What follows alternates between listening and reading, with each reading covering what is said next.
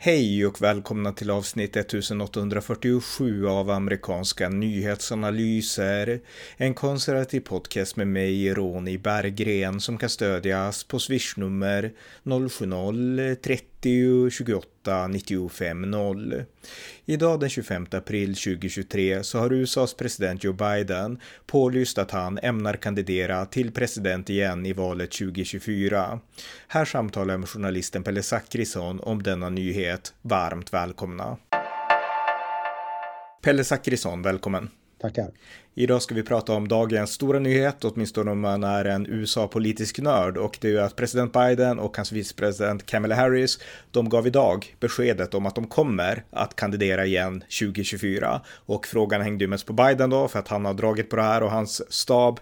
Men idag kom pålysningen och eh, ja, det var ju, ja, jag vet inte om det var förvånande, men det var, det var spännande att liksom ta del av den nyheten. Ja, nej men eh, absolut. Han, han meddelade ju det här också i en eh, kampanjfilm. Han har ju inte då, ofta ställer man ju upp, exempelvis Nikki Haley höll ju ett, eh, när hon på, pålyste, hon hade ju ett stort kampanjtal.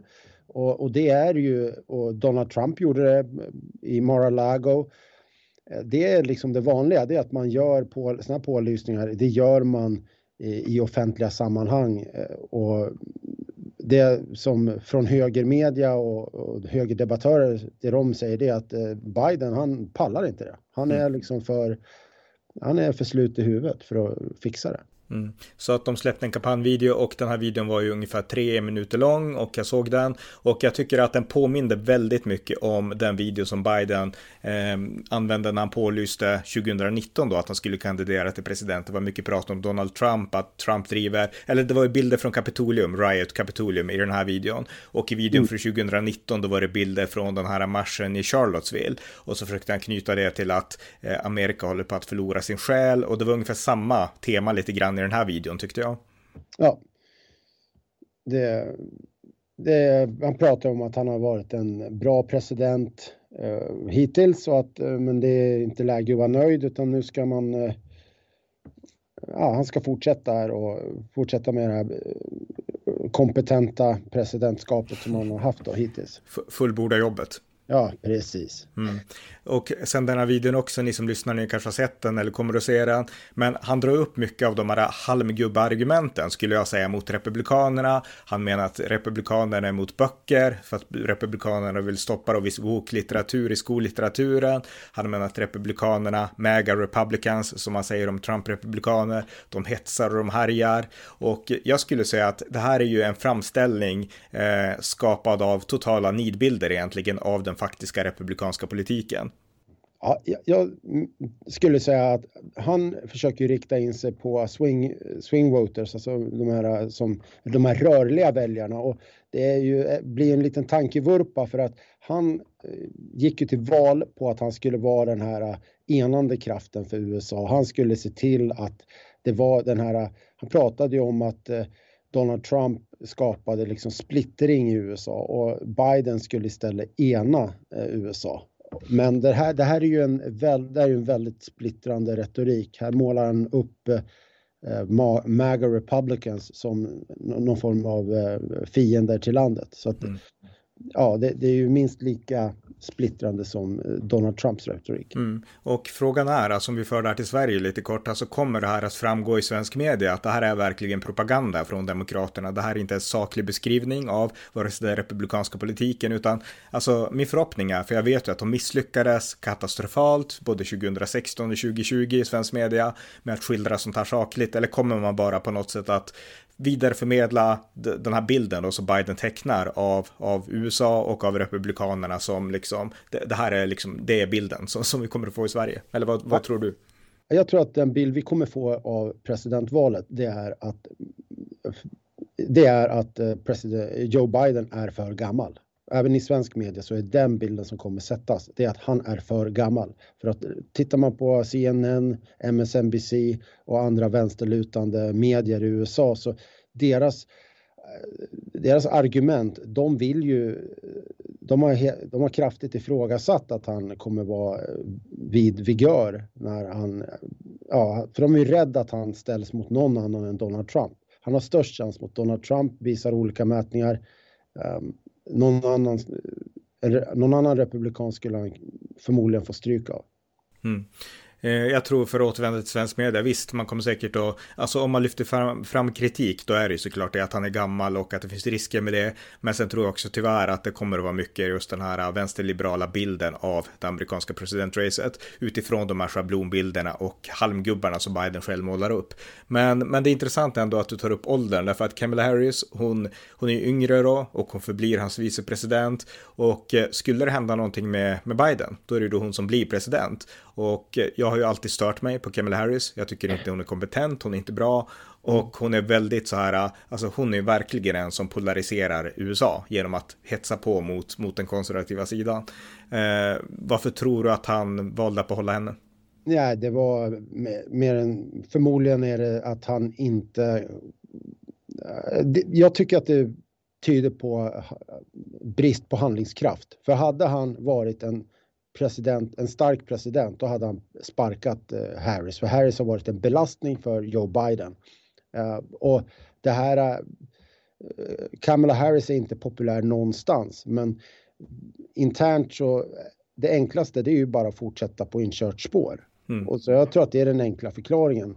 Sen är det ju, det är roligt det du säger om Kamala Harris. Du, eh, hennes bok är ju en av de få böcker som du verkligen bara toksågat som du tycker det där var ju riktigt usel. Mm. Och det fanns i princip ingenting bra, kommer jag ihåg när du recenserade. Jag läste inte klart den ens faktiskt då, men, men mm. den var dålig. Mm.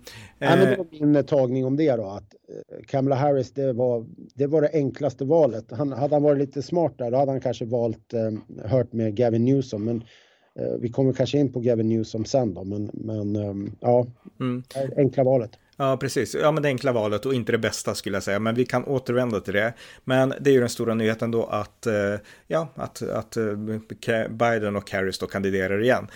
Om vi då går över till Republikanerna, där vet vi ju vem den, liksom åtminstone den mest namnkända kandidaten är. Det är Donald Trump som pålyste i höstas och han har fått ett visst uppsving de senaste veckorna också.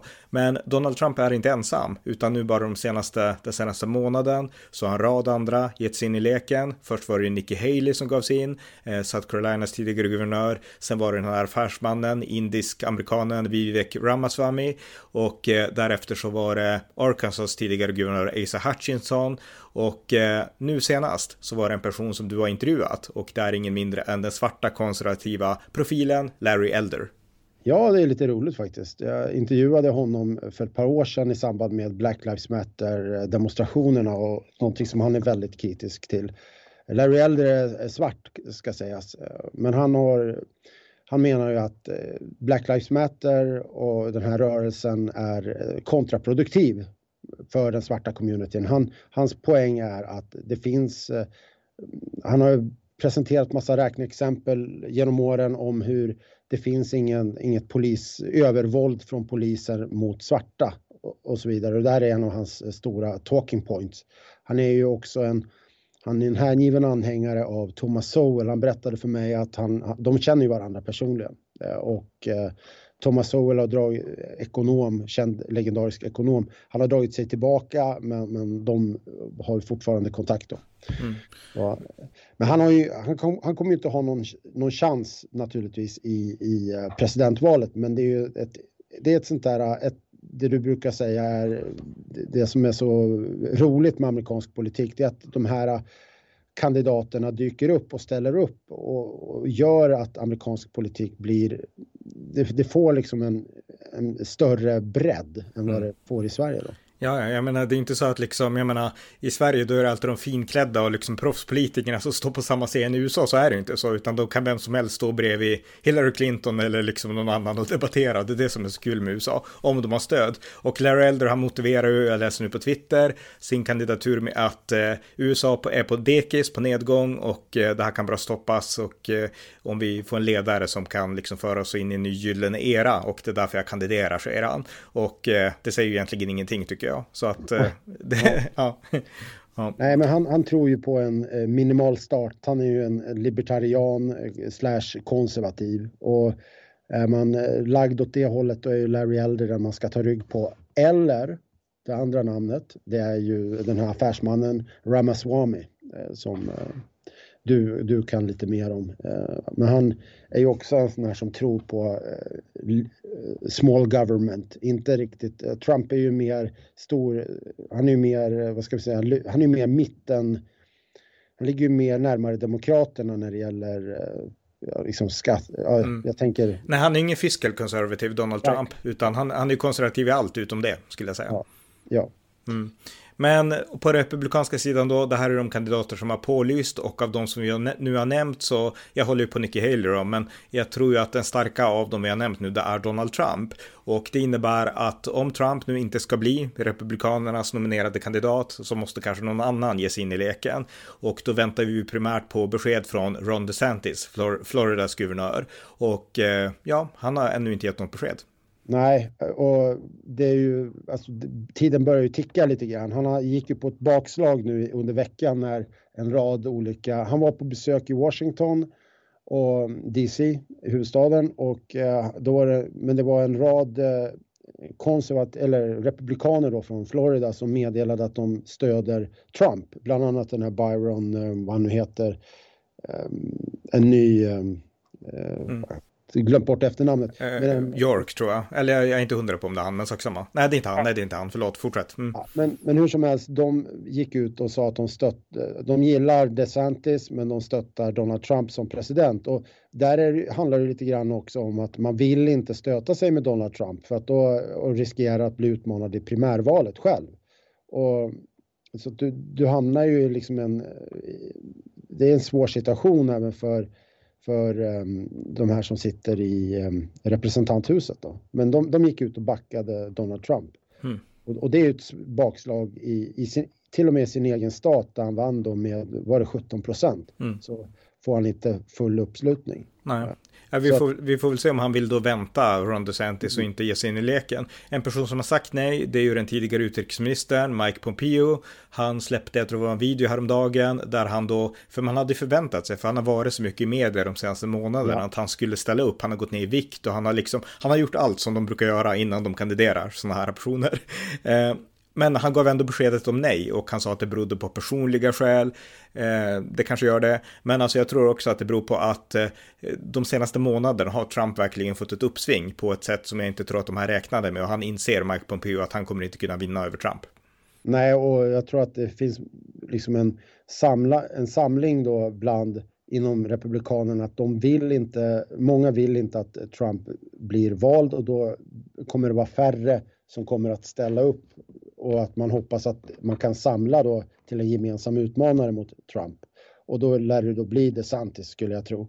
Eh, även om han inte har hoppat in än. Men han, han, har ju bildat en så, här, så kallad superpack, alltså en insamlingsstiftelse för att kampanja och den har börjat attackera Trump. Mm. Så att, eh, det, det, finns ju saker som tyder på att eh, DeSantis är på gång. Sen har du ytterligare då Chris Sununu uppe i, Nor i New, New Hampshire. Hampshire. Ja, och han är ju lite speciell på det sättet att han är ju en eh, abort. Eh, han är för abort. Och inom eh, det republikanska partiet så är man ju mot abort. Och det, den här frågan riskerar ju att eh, det riskerar ju kunna bli en sån här fråga där man förlorar eh, presidentvalet. För att eh, efter att eh, det här nya avgörandet i högsta domstolen så har det ju blivit en riktig backlash, en riktig tillbakakaka i ansiktet på Republikanerna, frågan om abort. Ja, i, i viss mån. Jag skulle säga att det har lagt sig lite grann och nu börjar de här krafterna som var ändå liksom generellt mot aborter få uppsving igen. Så att det går lite, jag, jag skulle inte säga att de kommer falla ja. helt på den frågan. Men, men han är ju ett starkt namn och han är, jag ska säga att Chris Sununu, han är dels en guvernör i New Hampshire, men han är också son till en ännu mer känd guvernör, John H. Sununu, som, mm. som också var guvernör i New Hampshire, som arbetade, tror jag, med George Herbert Walker Bush, eh, vill jag bara påpeka där. Absolut. Uh, ja, och uh, Förutom dem så på den republikanska sidan, Tim Scott, just det, Tim Scott väntar vi på också. Eh, den här svarta, en senator från South Carolina. Han har skapat en exploratory committee och eh, ja, vi får se om han, om han ger sig in i leken. Eh, så att han, han är också en person vi väntar på då. Mm. Ja, men det är Republikanerna och jag skulle säga att just nu så är ju Donald Trump starkast där. Eh, så att mest sannolikt så blir det eh, en matchup, tror jag i alla fall. Vi får se om Ron DeSantis kommer in, men mest sannolikt bedömer jag nu åtminstone, det blir en matchup mellan eh, Joe Biden och Donald Trump igen, en repris helt enkelt. Och eh, precis som du var inne på så tror jag att där så har nog ändå, alltså ja, Biden har gjort bort sig väldigt mycket, så att, vad tror du själv? Alltså jag tror att det vore en fördel för Republikanerna att ha någon annan än Trump, men jag skulle absolut inte räkna ut honom. Ja, jag tror ju inte att det blir Trump i slutändan. Jag tror att det här är en, det, det är en kort, eh, under en kortare period. Alltså, och sen är Trump, jag har lyssnat på de senaste eh, anförandena, anförandena och intervjuerna som han har gjort. Han har varit riktigt, riktigt bra. Eh, så att jag, han är i bra form så, men på sikt är det det här att han är en loser. Han har förlorat nu två gånger och det där är någonting som ligger som en våt filt över hans eh, kandidatur. Och då tror jag att det blir DeSantis. DeSantis är inte speciellt bra debattör. Han är, jag tycker han är ganska färglös jämfört med Trump.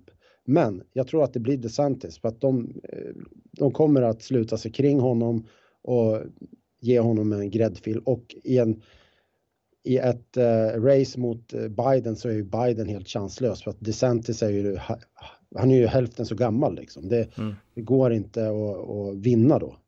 Jag, eh, jag delar synen gällande Ron DeSantis. Om det blir Ron DeSantis mot Biden, då vinner Ron DeSantis utan tvekan. Alltså USA är, det, blir, det, det är ett land som blir mer och mer republikanskt och demokraterna blir mer och mer woke och amerikaner har tröttnat på det. Men eh, jag tror att Donald Trump kammar hem liksom primärvalet, så att jag tror att, jag tror att det kommer att bli Donald Trump och att det blir en repris då. Men vi får väl se vem av oss som har rätt här då eh, senare. Ja, vi har lite olika ingångar. Ja. ja, men jag tänkte vi skulle avsluta med att ändå nämna, alltså nu är det ju Biden och Harris som kommer att bli kandidater. Det, liksom, alltså mm. det, det kommer att bli så, liksom, det, är ingen, det är ingen primärval därav liksom, att ens ta upp. Men det finns ändå några andra demokrater som har sagt att de kommer att kandidera eller som har pålyst kandidaturer.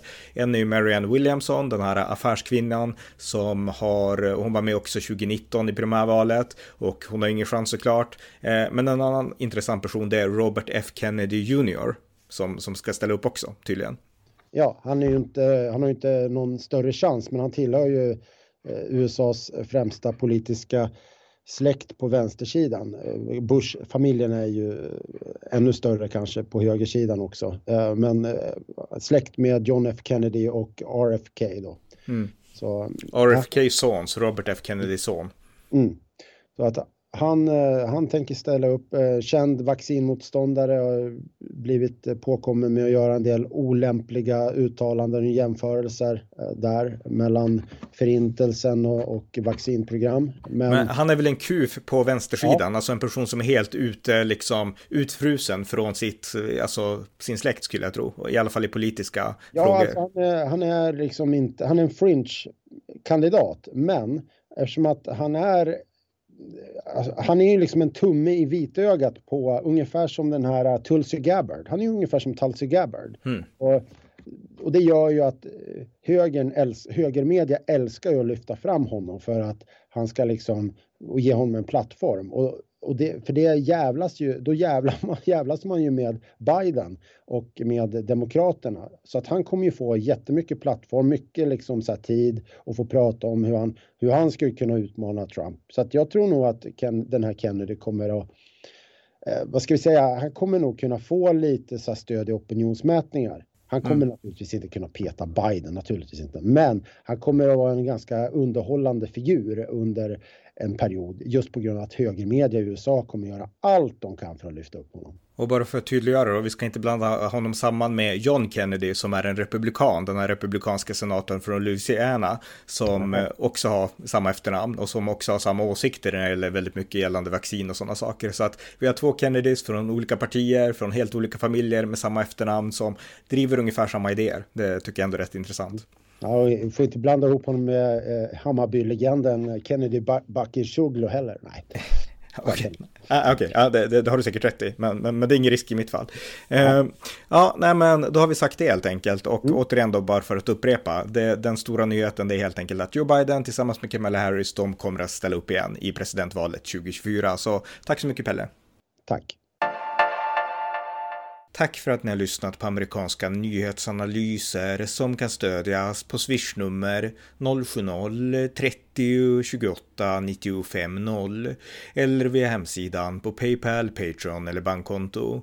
Skänk också gärna en gåva till valfri Ukraina-hjälp. Allt gott tills nästa gång.